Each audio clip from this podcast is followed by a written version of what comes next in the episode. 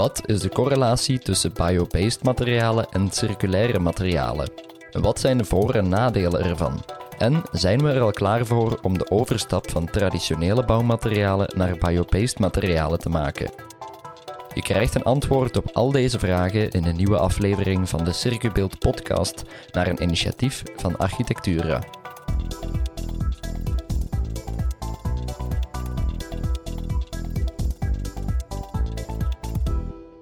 Welkom bij deze podcast over de correlatie tussen biobased en circulaire materialen.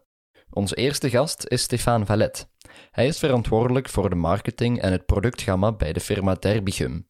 Dat maakt bitumineuze waterdichtingsmembranen, voornamelijk voor platte daken voor verschillende Europese landen. Stel dat je een 100% biobased product kunt maken die maar 5 tot 10 jaar meegaat, of je, maakt een, of je hebt een product die circulair is, maar die 40 of 50 jaar meegaat, dan denk ik dat een, een circulair product, niet biobased, interessanter is, omdat anders de, de, je telkens vijfmaal hetzelfde productieproces die moet gebeuren, terwijl dat bij een circulair materiaal die langer meegaat dan maar één, één keer moet gebeuren. Mieke van den Broeke is de tweede gast. Zij is actief bij milieuorganisatie VIBE. Daar trachten ze het milieuvriendelijker en gezonder bouwen meer inzage te geven in Vlaanderen. Zelf is Mieke gespecialiseerd in circulair bouwen en probeert ze de stap tussen onderzoek en praktijk zo klein mogelijk te maken door publicaties te schrijven en vormingen uit te werken. Circulair kan ook niet het doel zijn op zich. Het is eigenlijk een visie of een manier van denken, van bouwen, om onze milieu-impact te doen dalen. De derde gast is Bart Dazen van Exi. Dat is een fabrikant van biobased materialen, enerzijds van isolatiemateriaal op basis van hennep, anderzijds op basis van strovlokken. Sinds kort leveren ze tot in de Verenigde Staten. Hun bedoeling is om de circulaire wereld duidelijker te maken en laten zien dat het ook kan in combinatie met traditionele materialen.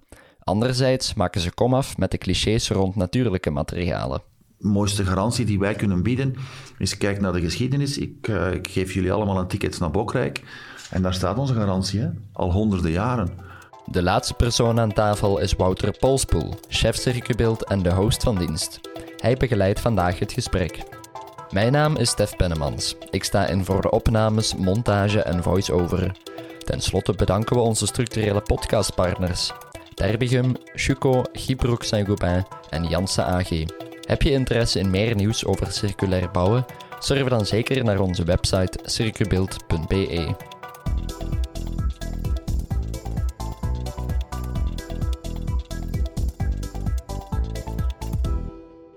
Welkom bij deze Circubeeld podcast waarin we het zullen hebben over de correlatie tussen biobased en circulaire materialen.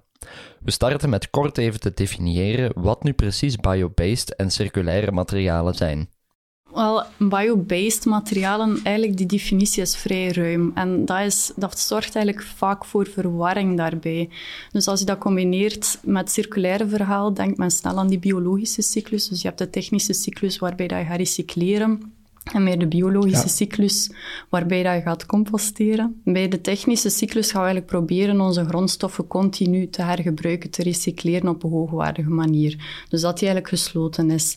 Terwijl bij de biologische cyclus gaan we eigenlijk planten oogsten en gaan we die her, allee, gebruiken, inzetten in een gebouwde omgeving en kunnen die gaan composteren en eigenlijk voeding vormen voor nieuwe planten.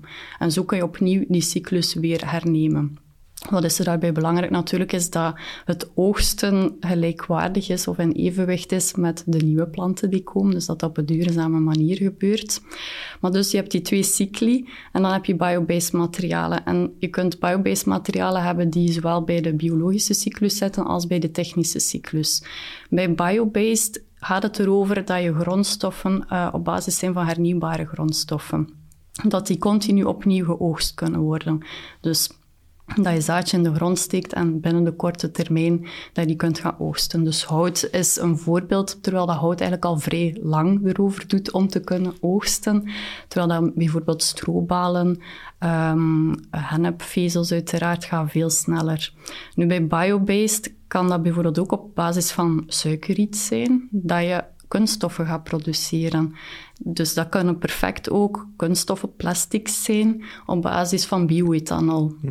En dan zit je eigenlijk in die technische cyclus. Dan ga je kan je gaan recycleren, maar ga je die niet kunnen composteren. Composteren wil zeggen dat je effectief veilig aan de natuur kunt teruggeven, zonder dat je ermee moet inzetten dat dat schadelijk is voor de natuur.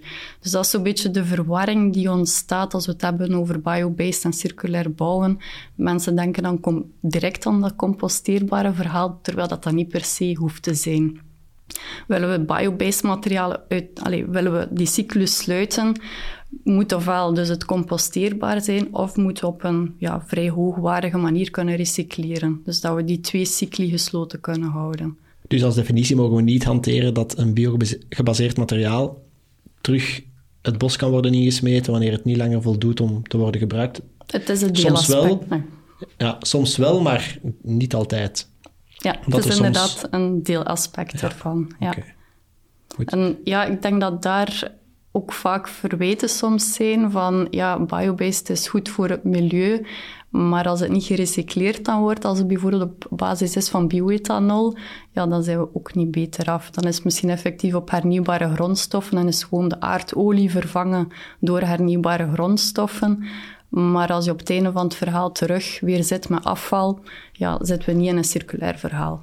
Ik had er nog een kleine vraag bij. Heel, veel, heel vaak zie je dat biobased materialen uh, toch nog altijd beroep moeten doen of aan het doen zijn op niet biobased binders bijvoorbeeld of wat dan ook.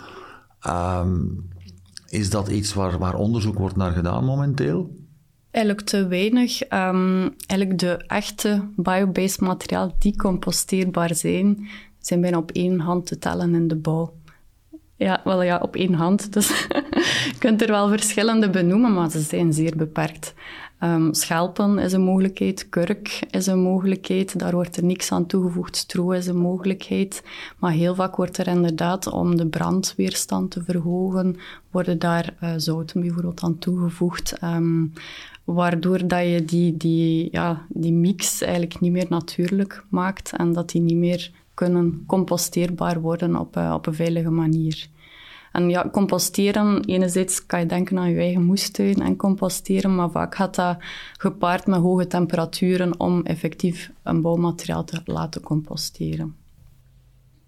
Stefan, wil, wil jij daar nog iets aan toevoegen? Wel, ja, het is zo. We, over ons product is er natuurlijk weinig discussie mogelijk. Een bitumineus product is niet biobased. Uh, maar we hebben ook wel een product ontwikkeld op basis van eh, plantaardige oliën en harsen. Uh, het heet dan Derby Puur, maar het is inderdaad niet 100% plantaardig. We moeten inderdaad een acrylieklaag bovenop het membraan voorzien om te zorgen dat het UV-stabiliteit van het product voldeed aan, aan de eisen van een platak, die een zeer kritische waterdichting van een platak is zeer kritisch. Uh, als daar iets mis mee is, dan heb je wel een groot probleem in het gebouw. Dus de, de performantie momenteel, uh, die gevraagd wordt aan een, aan een waterdichtingsproduct, laat bij ons weten met onze onderzoek en tot nu toe nog niet om een volledig 100% biobased product te gebruiken, maar we hebben wel een product die voor 90% uh, biobased is. Die nog wel wat uh, zich moeilijk verkoopt door andere, door het feit dat klanten op zich nog niet zoveel vertrouwen hebben in een dergelijk product. voor op het tak, maar, maar goed, dat is een andere, dat is een andere discussiepunt. Ik wou nog even aan toevoegen wat Stefan zegt, dat klopt inderdaad heel hard, dat, dat zowel de, de voorschrijvers, zijn de architecten, als, als een, voor een groot stuk ook de wet en regelgeving niet is, of niet, of nog niet is aangepast.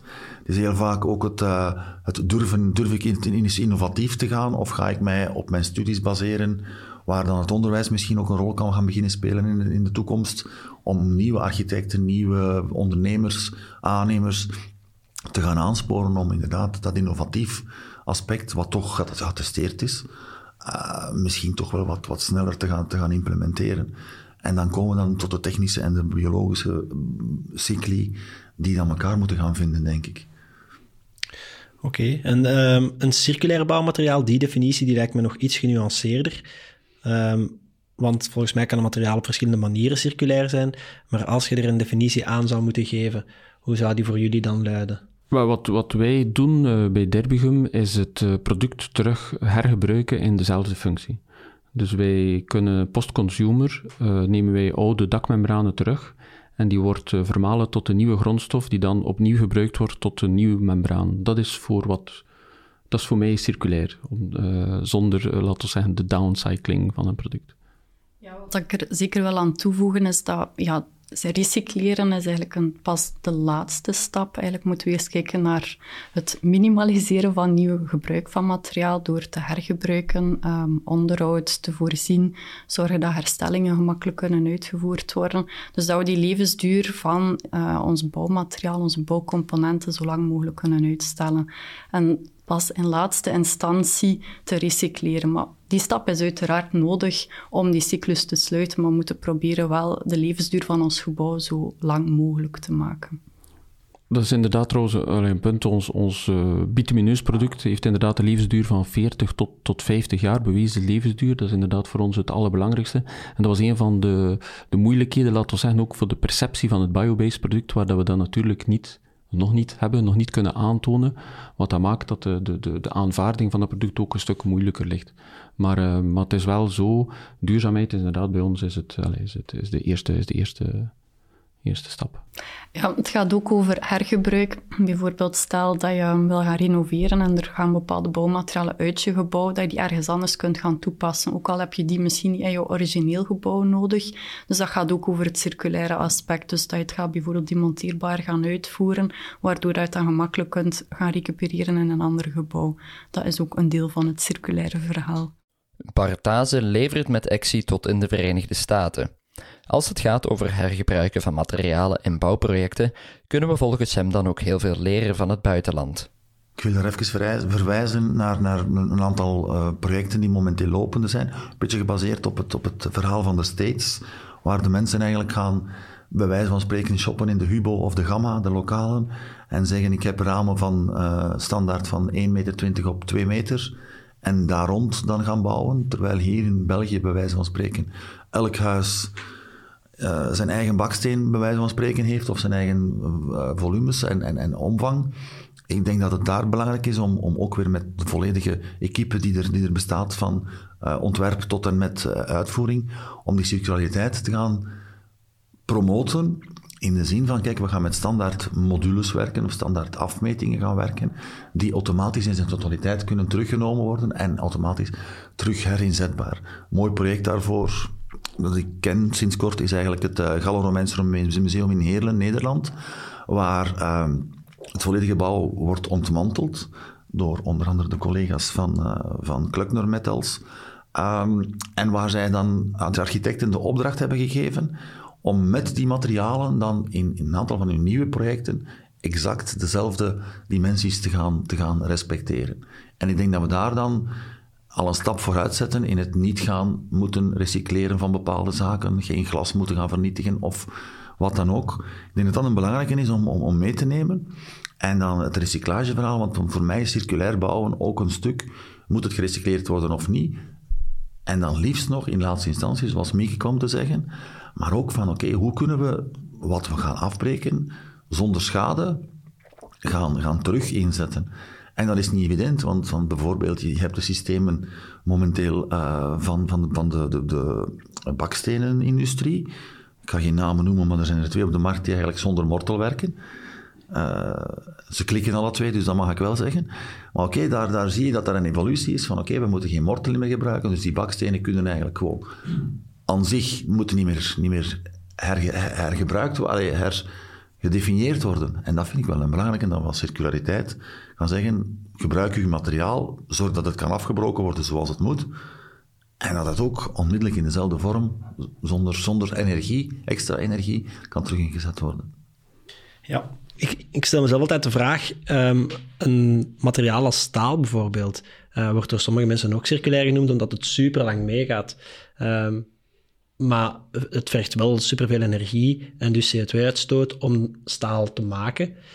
Wat vinden jullie daarvan? Is dat dan een circulair materiaal? Want ja, die initiële milieu-impact is gigantisch inderdaad van staal. Je merkt dat ook bij beton, de wapeningsstaal die daarin zit, is, is een heel grote qua impact. Dus daar moet je, ben je eigenlijk bijna verplicht om circulair te gaan bouwen. Daar heb je eigenlijk bijna geen excuus om het niet circulair te gaan toepassen. Dus is dat circulair materiaal? In principe ja, want je kunt het gaan recycleren ook. Je kunt het hoogwaardig gaan recycleren. We doen dat vandaag ook al. We gaan staal recycleren hoogwaardig. Maar ehm, we moeten opletten met daardoor staal te gaan um, in het extreme gaan uh, stimuleren, want dan zijn we ook niet goed bezig. Want ja, we moeten echt wel die hergebruik echt inzetten. En daar zijn we nog ja, als ik kijk ja, naar ArcelorMittal bijvoorbeeld, hun CO2-uitstoot is groter dan de CO2-uitstoot van alle Gentse gezinnen samen. Dus dat is gewoon gigantisch. Dus we moeten gewoon naar circulair gaan op alle vlakken. Dus ik vind het een moeilijke vraag. Ja, circulair kan ook niet het doel zijn op zich. Het is eigenlijk een visie of een manier van denken, van bouwen, om onze milieu-impact te doen dalen. We gaan niet zomaar circulair bouwen omdat we daar zin in hebben. We willen onze milieu-impact doen dalen en dat is belangrijk. Dus dat moet het uitgangspunt zijn. Laat ons misschien uh, eens proberen een antwoord te formuleren op de, de vraag die het onderwerp van deze podcast eigenlijk is. Uh, het gaat hier over de correlatie tussen biogebaseerde en circulaire bouwmaterialen. Het lijkt me duidelijk dat niet elk circulair materiaal biogebaseerd is. Uh, maar is elk biogebaseerd materiaal wel circulair? Nee, om die reden ook uh, die aangehaald werd. Je gaat soms toevoegstoffen hebben die ervoor zorgen dat het niet meer composteerbaar is en dat we het niet terug als voeding kunnen geven aan de natuur. Ik, ik, denk inderdaad dat we daar moeten een onderscheid maken tussen uh, de, productie van, van bepaalde materialen.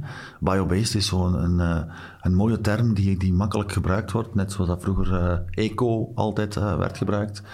Um, maar ik, heb, ik merk wel vanuit EXI dan ook, wij doen ook heel veel onderzoek en samenwerking met, met, met universiteiten, met onderzoekscentra, met de praktijk. En dan zien we wel dat we bijvoorbeeld naar een van de issues naar is, is, is al lang uh, verlijming. Gaan we verlijmen of niet? Nu, er zijn mensen, ik heb er al eentje gevonden zelf, die een circulaire, circulaire lijm heeft ontwikkeld. Die eigenlijk gewoon zoals een soort van post-it kan, kan worden teruggenomen. Moet zelfs niet hervermalen worden, maar kan hervermalen worden als.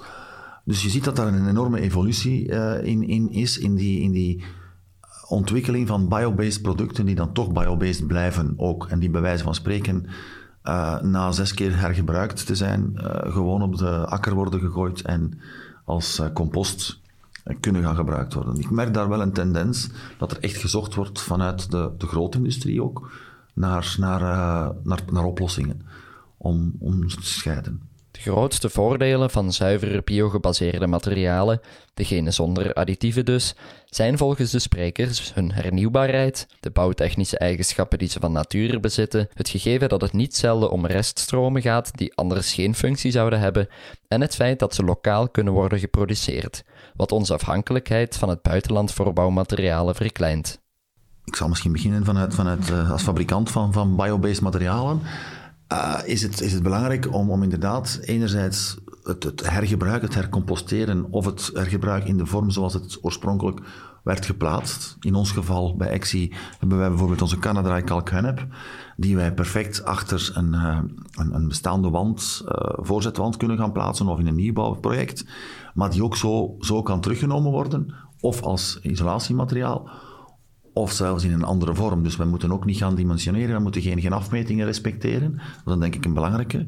Uh, belangrijk en heel belangrijk, denk ik, in de totale economie en ook de tendensen waar we naartoe gaan uh, binnen onze samenleving. Iedereen wil terug naar, naar het huiselijke, naar het comfort, het binnenklimaat, het regelen van een aantal zaken. Traditionele bouwtechnieken zoals uh, ventilatiesystemen, uh, airco-systemen en dergelijke hebben ertoe bijgedragen dat dat al een stuk zo is.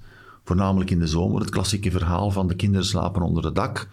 Uh, het is 30 graden buiten. S'avonds wordt, wordt, de, wordt de airco boven gehaald of wordt er een ventilator uh, gekocht. Biobased materialen, heel vaak. En dat kan gaan van houtwol naar mineralenwol, naar uh, kalkennep en, en stroovlokken. gaan ervoor zorgen dat bijvoorbeeld de faseverschuiving, het buitenhouden van de hitte in de zomer, enorm, enorm uh, performanter is, of veel performanter is dan de klassieke materialen zoals pur. Ik noem nu pur of een aantal uh, chemie, uh, aardoliederivaten. Dat is een, een, enorm belangrijk. Gaan ook de temperatuur regelen, gaan de luchtvochtigheid regelen. Klassiek voorbeeld is, mensen gaan naar de Loire kastelen bezoeken en zeggen, dat is hier toch aangenaam in de zomer.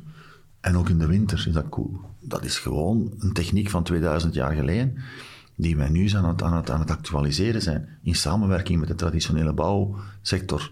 Ik denk dat we daar naartoe moeten als, als voordeel. Of dat we dat gewoon kunnen zien als een voordeel. Ja, ik denk uh, het voordeel van uh, de biobased circulaire materialen is natuurlijk dat dat geen eindige grondstoffen zijn, maar oneindige grondstoffen. Dus dat we die continu in principe kunnen oogsten. Maar dus zoals gezegd al, we moeten dat wel op een duurzame manier doen. Dus we moeten ervoor zorgen dat wat dat we wegnemen, dat dat er ook terug kan komen. En dat is denk ik een moeilijkheid. Dus we moeten daarop baseren dat, of ervoor zorgen dat we effectief genoeg input krijgen of de vraag en aanbod, dat dat mooi in evenwicht is met wat dat er effectief kan groeien en dat we ook niet de voedselproductie bijvoorbeeld in gevaar brengen. Nu bijvoorbeeld het voordeel van stroobalen, dat is een restproduct van de landbouw. Dus dat is eigenlijk al een vorm van afval dat we terug gaan inzetten. En ik denk dat daar een heel groot voordeel in zit van die biobased bouwmaterialen. Effectief, wat je zegt, Mieke, is, is, is de nagel op de kop.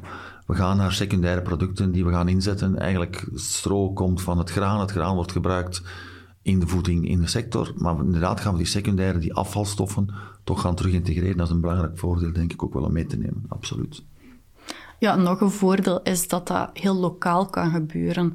Als België zijn wij nogal zeer afhankelijk van een buitenland wat betreft onze grondstoffen, ook in de bouw. Klei is daar nu wel een, um, een uitzondering voor, maar eigenlijk heel veel bouwmaterialen moeten we ook gaan zoeken, de grondstoffen zelf, ver weg. En door meer die biobased materialen kunnen we kijken naar meer lokale manieren om onze grondstoffenvoorziening uh, te onderhouden. Kunnen we ook de landbouw stimuleren of, of hen ook op een andere manier winstgevend proberen te maken. Dus dat lokale aspect vind ik toch ook wel zeer belangrijk. Dat transport beperkt wordt van al wat dat er hier binnenkomt. Die afhankelijkheid die Mieke hier benoemt, was voor Derbigum een van de beweegredenen om ook een biobased product te ontwikkelen. Dat is een eh, van de redenen ook waarom dat wij als Derbigum effectief ook een, ehm, een biobased product hebben ontwikkeld. Omdat uh, op zich het bitumen is een zeer uh, performant uh, product is. Wordt al gebruikt sinds de oudheid om boten en zo waterdicht mee te maken. Maar het heeft één, laat zeggen, één risico. We zijn afhankelijk van één industrie. En het is zo dat bitumen is eigenlijk het restproduct van de petroleumdistillatie. Dus dat maakt dat wij echt afhankelijk zijn van ook een stuk vraag en aanbod van die andere industrieën, die, die primeren boven ons, hè, die, die aan hogere prijzen, aan hoogkwalitatievere uh, petroleumderivaten uh, kopen. Dus we hebben, uh, voor ons is dat een manier om inderdaad een stuk onafhankelijker te worden, om een stuk die, lokale, die lokale poten te kunnen, kunnen hebben. Maar het product wordt gemaakt een stuk van koolzaad, ons product. Als dat dan natuurlijk koolzaadvelden moeten aangelegd worden en ter vervanging van bossen of zo, dan is natuurlijk ook weer niet de bedoeling. Dus het is, het is die balans wellicht die, die, die belangrijk is. Ik wil daar even op aansluiten, Stefan. Uh, een aantal projecten die ook lopende zijn. Eentje van de wand waarvan is Relife.bio, dat we doen in samenwerking met een aantal projectontwikkelaars, onder andere Revive. Dat is, uh, we hebben eens nagekeken hoeveel gronden die in afwachting zitten of staan van een project of een ontwikkeling. En dat bleek toch wel heel wat te zijn van onze Vlaamse oppervlakte. Nu zijn er projecten, zowel met hennep, uh, die wij dan doen, maar ook projecten met, met, met, met grassoorten en dergelijke, waar wij de tijdelijke beschikbaarheid van projectgronden, 1, 2 jaar, met snel groeiende gewassen, zoals hennep of zoals um, lisdodde bijvoorbeeld, gaan we die inzaaien en ook ter plaatse gaan oogsten, waardoor het ook ter plaatse in het project kan ingezet worden. Eigenlijk gaan we dan de volledige circulaire cirkel zo kort mogelijk houden met snel groeiende materialen. Een tweede punt dat ik eigenlijk wil aanhalen is, veel mensen hoor je vaak van, ja, maar we gaan nu allemaal terug naar hout en we gaan met hout gaan bouwen, maar hebben we wel genoeg hout? Nu ben ik er even gaan opzoeken voor deze podcast. Uiteindelijk uh, zijn wij nog altijd bezig om uh, minder hout te gaan kappen dan dat er gegroeid, dat er groeit momenteel. Ik zeg, ik, kan, ik heb geen glazen bol. Maar je merkt dan ook dat er een tendens is in bepaalde landen waar we uh, naar sneller groeiende houtsoorten gaan om te gaan inzetten in de bouw. Dennen in plaats van eik. Vroeger zei men eik is, wow, dat is, het, is, een eikenkas. Nu zeggen we, oké, we gaan naar dennenhout en dat is inderdaad, met mits een bepaalde bewerking, kan dat perfect in. Je hebt ook het Pavlova-hout, dat uh, sterk uh, in ontwikkeling is, dat eigenlijk heel snel groeit. En dan zie je, oké, ja, daar hoeven we ons ook geen zorgen over te maken als we maar waken dat het hout dat we verbruiken, dat dat, zoals Mieke zei, snel genoeg teruggroeit. Denk ik. Maar welke garanties bestaan daarover? Welke garantie heb je als koper dat wanneer je een product koopt dat eh, biogebaseerd is, dat één, dat ook zal worden gecomposteerd, um, en twee, dat de grondstof, eh, laat ons nu hout nemen, welke garantie heb je dat uh, een bos snel genoeg zal groeien om um, uw impact eigenlijk te, te neutraliseren? Dat zijn, twee, dat zijn toch twee aspecten. Bestaan daar garanties over? Ja, voor hout wel. Hè. FSC en PFC, dat zijn echt wel de labels die dat eigenlijk wel garanderen toch het tweede deelte van jouw vraag. Dus dat het op een duurzame manier um, ontbost, of ja, dat de bomen gekapt worden en ingezet worden. Dus dat je daar aan duurzaam bosbeheer doet. Wat betreft het eerste deel van je vraag, dat is een moeilijkere. Hè? Dus dan moet je eigenlijk ja, met die producent, dan kijk ik naar de producenten, dat zij het misschien terugnemen en dat ze het dan composteren of op een andere manier terug inzetten in hun, uh, hun productieproces. Ik denk dat daar de rol van de producent groot is, om die terugname te verzekeren en het op een veilige manier composteren of op een andere manier hergebruiken of recycleren. Hoe zit dat bij jullie, Bart? Dat gebeurt onder andere. Wij zijn volop bezig met ook, ook met een paar projecten waar wij nu al contractueel hebben laten vastleggen dat wij na een looptijd van 30 jaar, dat wij sowieso de, de, de materialen, indien zij niet worden lokaal of bij hun uh, hergebruikt of, of langer, langer leven beschoren zijn, dat we die gaan terugnemen aan een restwaarde die, die, die, die, die vrij goed is, waardoor dat de oorspronkelijke initiële investering dan ook een stuk lager wordt. En de klant dan een soort van, zoals een auto wordt geleased, eigenlijk zijn, zijn huis of zijn gebouw gaat beginnen leasen. Ja, nog van die labels van hout. Dus FSC en PFC is er voor hout, maar voor de andere biobased materialen is dat er nog niet. Dus daar moeten we wel nog aan werken dat daar een label komt die effectief daar zorg voor draagt. Want de kritiek is er snel en, en terecht ook. Hè. Als we te veel gaan wegnemen uit de natuur en niet genoeg laten bijgroeien, denk bijvoorbeeld aan schelpen, ja, dat zorgt ook wel voor bepaalde natuurlijke evenwichten die dan verstoord worden als we te veel schelpen wegnemen en niet zorgen dat dat in evenwicht is. Dus daar moet er wel zeker nog aan gewerkt worden. Dus, uh... die, die labels, dat is natuurlijk geen, geen, geen evidentie, omdat inderdaad om iedereen in de biobased wereld samen te krijgen, eerst en vooral, op dezelfde, zoals de Nederlanders zeggen, de neus in dezelfde richting.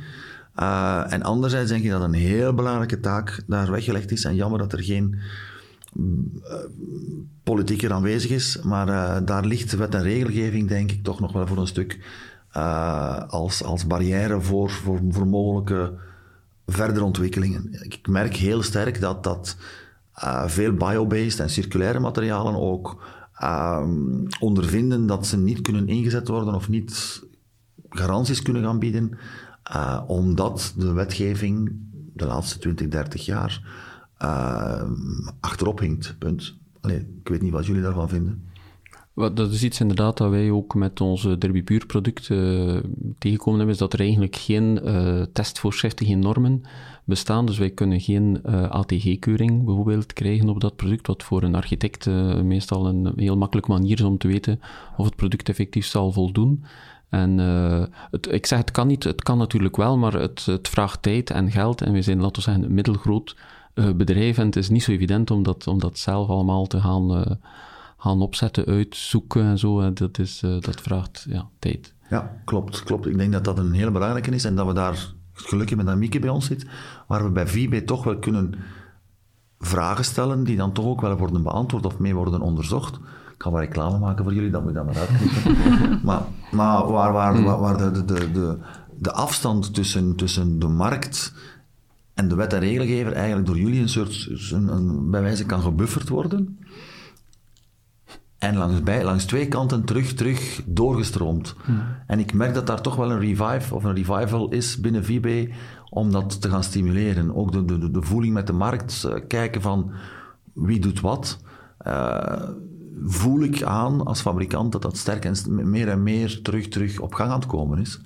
Uh, even terugkomen op wat Stefan zei over de kostprijs om iets te laten attesteren of de moeilijkheid om iets te laten attesteren daar, daar hebben uh, organisaties zoals het WTCB uh, een belangrijke rol in om dat te gaan stimuleren naar de overheid toe. Natuurlijk worden ze ook uh, ingeperkt door, door de mogelijkheden die ze hebben. Hè. Bart, durf, durft jij ook eerlijk zeggen um, op welke vlakken jullie producten het nog moeten afleggen tegen meer traditionele, um, niet biogebaseerde bouwmaterialen? Ja, absoluut. Um, we vertrekken vanuit een bestaand gegeven waar biobased niet aan de orde was. Um, waar architecten al jaren gewoon zijn van bepaalde materialen te gebruiken en voor te schrijven, met bepaalde isolatiewaarden in ons geval. Uh, dan spreken we over de lambda-waarde. Dat is een testmethode om te gaan kijken hoe lang de koude wordt buiten gehouden in de winter. In onze omringende landen zien we dan dat er ook al de faseverschuiving wordt meegenomen in het, uh, in het, in het pakket, om de hitte in de zomer uh, tegen te gaan. Dat is al een eerste punt. Waar lopen wij tegenaan? De lambda-waardes van, van PURS en andere aardoliederivaten zijn een stuk beter, waardoor het zogezegd dunner kan gebouwd worden. Een tweede argument dat heel vaak wordt gebruikt is de prijs. Het is duur. Uh, als je dan bekijkt, en dan, we hebben de calculatie gemaakt samen met de mensen van de BNR-groep, uh, in de totale wandopbouw, en dat bedoel ik eigenlijk van A tot Z, zijn wij niet duurder. Maar kunnen we inderdaad door, door het, het, het gaan anders aanpakken en het, en het herberekenen van een aantal uh, parameters, komen wij niet duurder uit. Uh, we zitten daar ook in het, in het Vlaanderen circulair verhaal heel nauw betrokken. Dus de prijs en, en, en de lambda-waarde kunnen we perfect counteren. Uh, wat wel natuurlijk is, is, uh, het feit dat wij nog niet altijd geattesteerd zijn. Dat wij heel veel kleine bedrijven hebben die, die de, arms, de, de, de, de, slagkracht niet hebben om ja, op korte termijn alles te gaan realiseren en, en in de markt te gaan zetten. Dus wij zijn eigenlijk een, een, een mier, die, allemaal kleine miertjes die, die proberen van één grote heuvel te maken. Termieten moet ik eigenlijk zeggen. En dat is een beetje waar we tegenaan lopen. Zijn ze performanter?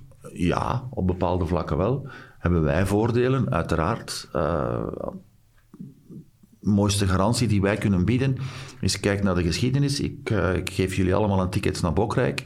En daar staat onze garantie, hè? al honderden jaren.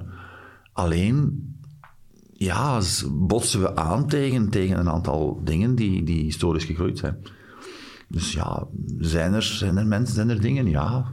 Performanter op lambda-waarde? Ja. En dan stopt het, denk ik. Oké. Maarten uh, Lahaye van Giprok zat hier in uh, de podcast, die ging over de beoordeling van, uh, van circulaire bouwproducten. En hij zei toen dat als het gaat over isolatie, in de eerste plaats wel moet worden gekeken naar de isolatiewaarde en pas daarna naar of het gaat om een biogebaseerd materiaal of niet. Um, volgens hem gaat je met een goede isolatiewaarde de CO2-uitstoot of de, de uitstoot van broeikasgassen meer verkleinen dan met de keuze voor een biogebaseerd materiaal als isolatie. Klopt voor een stuk, in de zin van dat hij zegt van kijk, uh, wij gaan minder energie moeten verbruiken omdat wij een betere isolatiewaarde hebben in onze woning. En energieverbruik gaat inderdaad een CO2 plus creëren.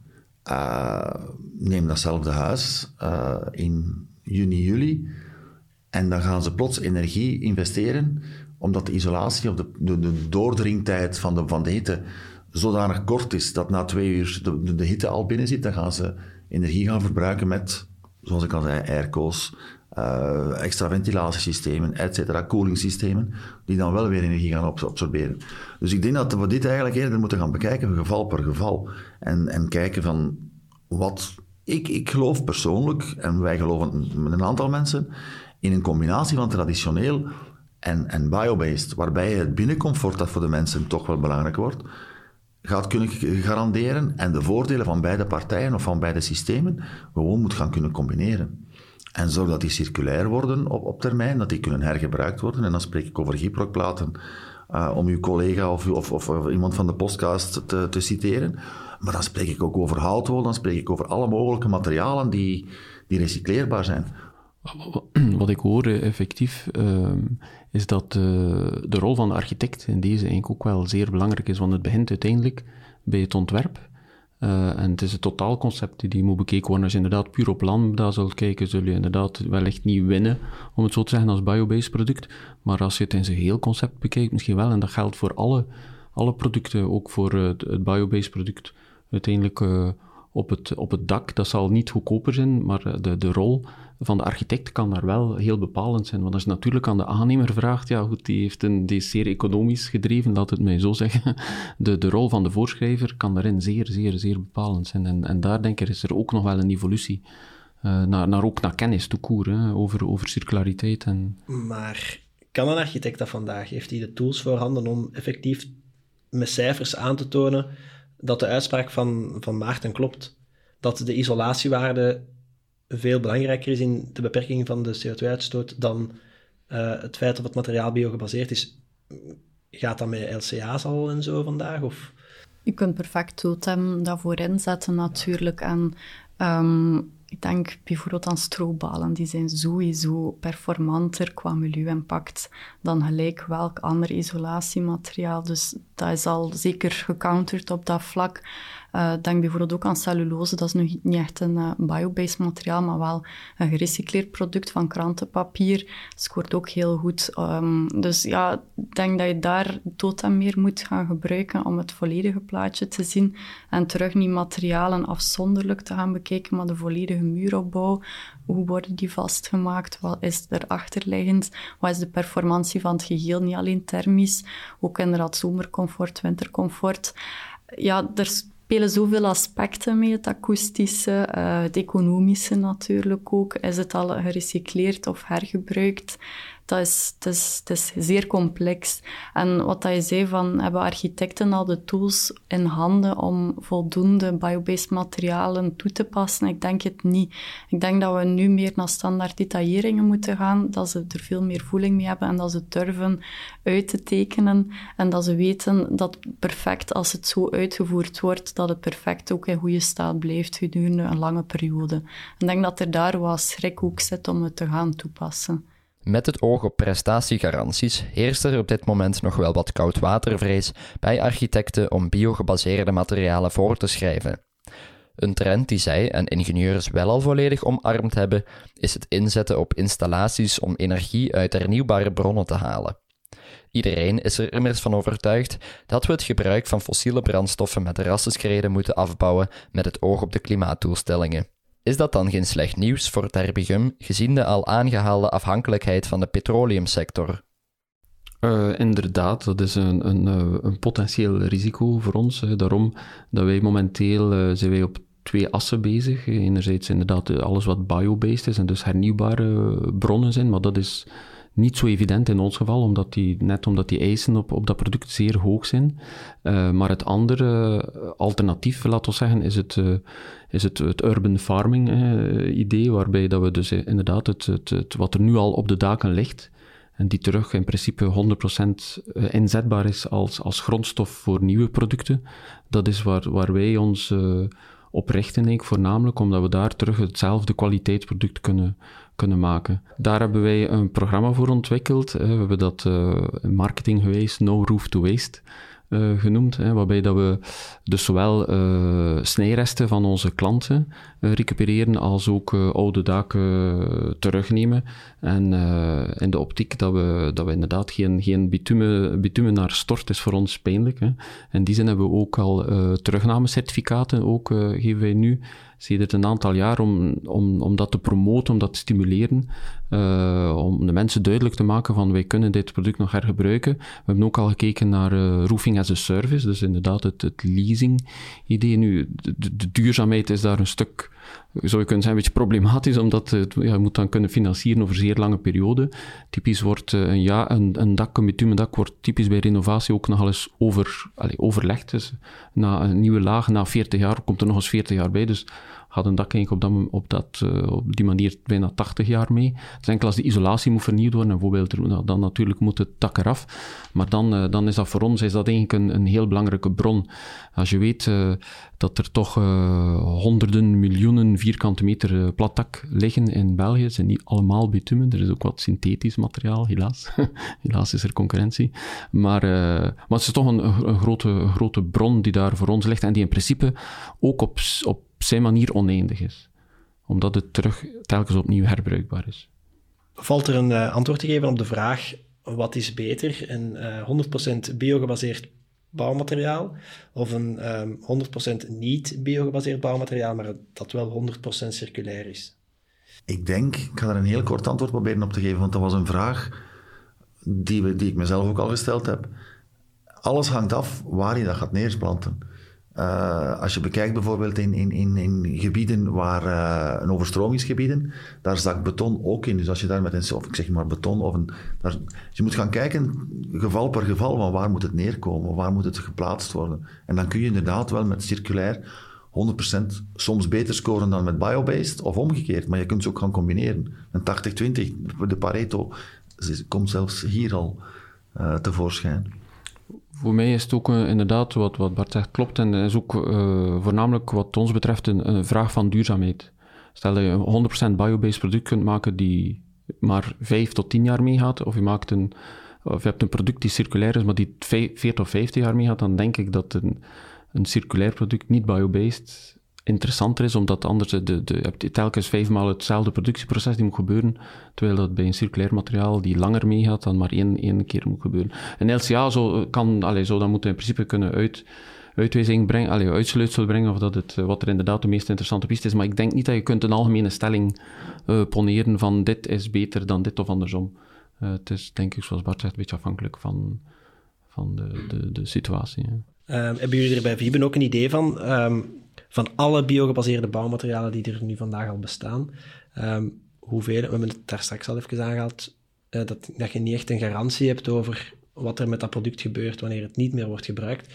Maar alle fabrikanten die nu biogebaseerde materialen maken, um, hoeveel daarvan zorgen er ook echt voor dat het product in de, in de kringloop blijft? Want belanden er niet nog veel producten op de finaal toch op de afvalberg of in de verbrandingsoven? Biogebaseerde producten? Ja, ik denk, we hebben daar geen cijfermateriaal of zo over. Wat ik wel weet, bijvoorbeeld, um, wat dat al een gerecycleerd product is, is bijvoorbeeld van de Vlaspet. Die gaan um, de kurkendoppen gaan inzamelen en daar dan een, uh, een isolatiemateriaal van maken. Maar in welke mate dat dan terug de kringloop achteraf gesloten wordt. Ja, op zich moet daar misschien minder de producent, maar kan dat ook ter plaatse gewoon gebeuren, hoeft dat niet per se naar ergens naartoe gebracht te worden. Dus ja, is misschien ook niet zo noodzakelijk dat de producent daar een grote rol in speelt. Natuurlijk, als dat over grote hoeveelheden gaan, kun je dat moeilijk echt even in je achtertuin gaan composteren of zo. Maar ja, ik wil echt wel erop focussen of op wijzen dat we echt wel moeten gaan naar hergebruik en recyclage en composteren. Echt maar op het laatste moment. Omdat ieder stapje, hoe lager in je schaalniveau of, of, of in trappen, hoe meer energie dat je er terug moet insteken om weer een nieuw product op de markt te brengen. Dus stel dat we een product direct rechtstreeks kunnen hergebruiken, is die milieu-impact gewoon je transport, van spreken. Moet je terug gaan vermalen en terug in een nieuw productieproces gaan steken. Ja, is terug weer al die milieu-impact die daarin gestoken wordt wel weer een stuk groter. Composteren ook, dan moet er terug weer die gewassen worden, moeten weer groeien, moeten daar weer water aan toegevoegd worden, moet die weer geoogst worden, moeten die weer verwerkt worden. Dus daar ook mag dat pas eigenlijk de laatste stap zijn. Ik heb daar een, een, een, een bemerking. Uh, ik denk inderdaad dat we nu in een fase zitten waarbij dat heel wat biobased materialen uh, nog niet terugkeren, omdat zij meestal wel een langere levensduur hebben dan de, de klassieke aardoliederivaten. Maar het voordeel of het belangrijk aspect is, uh, om te antwoorden op jouw vraag, Wouter, worden die teruggenomen? Ja, wij hebben ook uh, terugnamecertificaten of, of overeenkomsten. Maar in de praktijk verwachten wij niet dat dat heel vaak gaat gebeuren. Omdat ofwel wordt het gebouw in zijn totaliteit teruggenomen, uh, deels enkele dak, denk ik, zodat dat weinig is, want dan kunnen we het perfect hergebruiken. Um, en, en ook uh, belangrijk om weten is, bepaalde materialen zoals pur, die gaan eigenlijk per jaar aan kwaliteit of aan, of aan performantie x aantal procenten of 0, zoveel procent inboeten, wat bij natuurlijk materiaal, en dat heeft de natuur bewezen, niet het geval is. Die blijven eigenlijk, bij wijze van spreken, honderden jaren staan. Dus als het moet teruggenomen worden, kan het denk ik vanuit fabrikantenzijde. Of misschien, zoals Mieke zegt, kan het via een BBAT systeem voor biobased materialen. Zou wel een, een, leuke zijn om eens uit te, werken. Maar ik denk dat we gewoon er moeten rekening van mee houden dat het honderden jaren blijft staan. Punt. De koeienstront van vroeger die er tegen is vervangen door leem. Uh, maar dat is het ook. Ze staan er nog allemaal. Kunnen we stellen dat er vandaag voor elk traditioneel bouwmateriaal al een biogebaseerd alternatief op de markt is? Of zijn we nog niet zo ver? ja, als we een beetje ruimer kijken naar puur biobased en iets ruimer gaan kijken, denk, je wel, denk ik wel dat je een alternatief kunt bedenken en moet kijken naar het verleden. Vroeger die rieten daken, dat is perfect nog altijd mogelijk, hè? maar dat is wel een ambacht die een beetje aan het verdwijnen is. Hoe dat je dat precies allemaal zorgt dat dat waterdicht is en dat ook onderhouden, dat is niet evident. Dus er gaat ook wel veel kennis verloren over biobased en hoe dat je het moet toepassen. Maar dan kan misschien prefab um, echt wel een antwoord bieden. Ik denk dat dat de hedendaagse versie is van Bokrijk. Ja. En dat, dat, zie je zeker bij houtskeletbouw en stroobouw, dat die, dat die prefabricatie echt wel um, meer en meer markt aan het binnen is.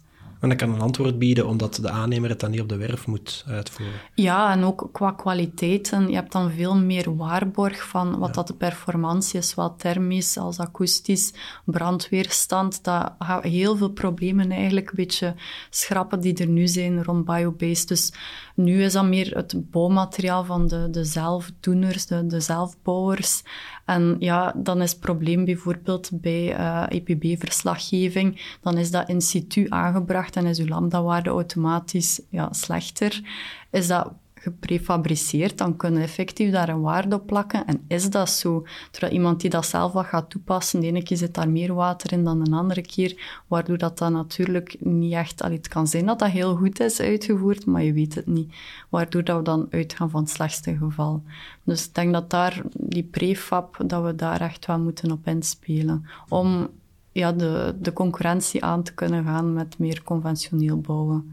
Volgens Exi en Derbigum zou een meer faciliterende overheid een rol kunnen spelen in de volledige doorbraak van biogebaseerde bouwmaterialen.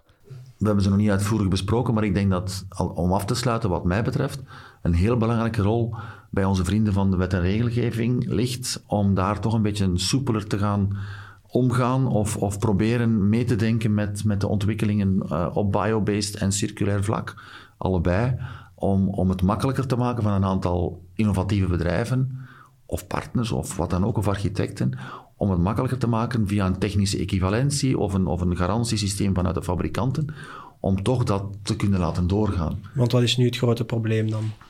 Enerzijds is het het financiële aspect, zoals, zoals Stefan ook al aanhaalde, om, om, om één product te laten certifiëren duurt het eerst heel lang, omdat er bepaalde testmethodes niet aanwezig zijn of moeten uitgezocht worden. Ik denk aan CO2-kamers, et cetera, in ons geval. Uh, een tweede is, is enorm duur, dus per, per product dat je eigenlijk wil gaan lanceren, moet je ofwel ja, ik, ik, zeg maar wat, uh, x aantal duizenden euro's gaan investeren, wat niet altijd mogelijk is voor biobased bedrijven, die zelf niet die financiële armslag of armslag hebben, die bijvoorbeeld een, een, een, een mastodont heeft. Uh, dat is logisch. 10.000 euro voor zo'n bedrijf is een, investering, zonder dat er eigenlijk al een revenue is gekomen. Een ROI moet ik eigenlijk zeggen. Uh, en en, en, en dat, ja, dan, dan stopt men daar ook. En dan zegt men, we zullen het maar wel lokaal proberen te doen. En, en ons particuliere klanten gaan verzorgen.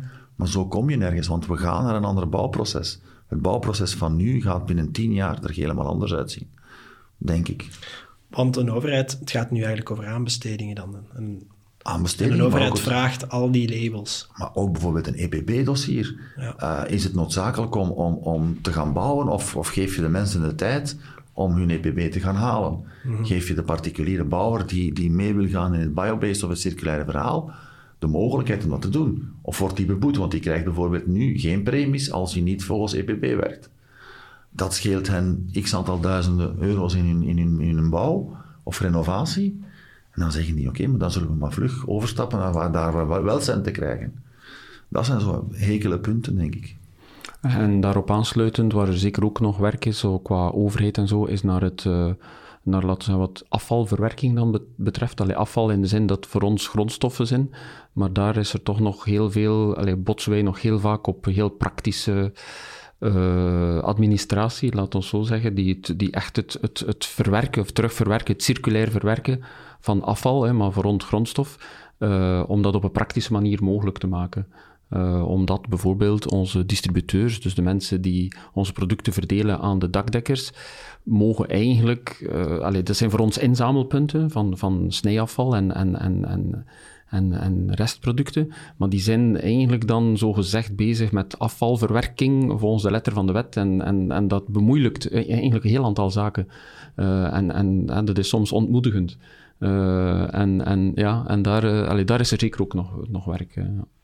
Naar goede gewoonte sluiten we de podcast af met een inspirerende quote van een bekend of minder bekend persoon die sterk aansluit bij in dit geval de visie van onze gasten op duurzaamheid en circulariteit. Stefan bijt de spits af. Wij verwijzen vaak naar een, uh, naar een uitspraak van een uh, Engels historicus en spreker en, en ook poolreiziger, Robert Swan. Um, en die zegt eigenlijk de, the greatest threat to our planet is the belief that someone else will save it. En eh, dat vinden wij zeer terecht. En, en wij beseffen dat wij een allez, middelgroot bedrijf noemen wij onszelf altijd. En, en, maar wij doen efforts. En wij proberen en we beseffen dat dat nog niet voldoende is, dat er nog een lange weg te gaan is.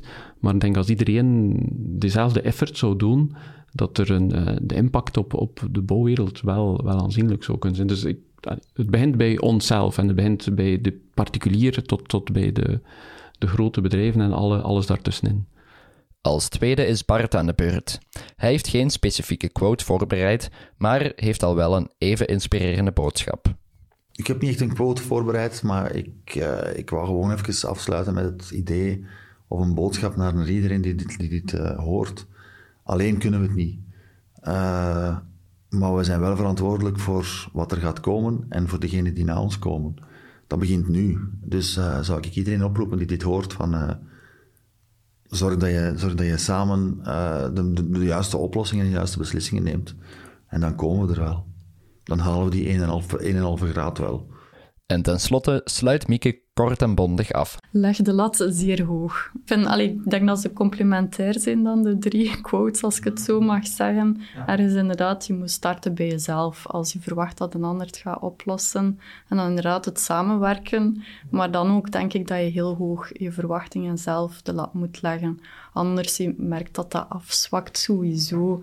Aan, aan, allee, ja, dus we moeten gewoon zorgen dat, en dat is wat dat we nu niet goed aan het doen zijn qua beleid, qua, en dat is, dat is niet goed. Dat zijn weer drie inspirerende quotes om mee af te sluiten. Hopelijk heeft u genoten van deze Circubeeld podcast.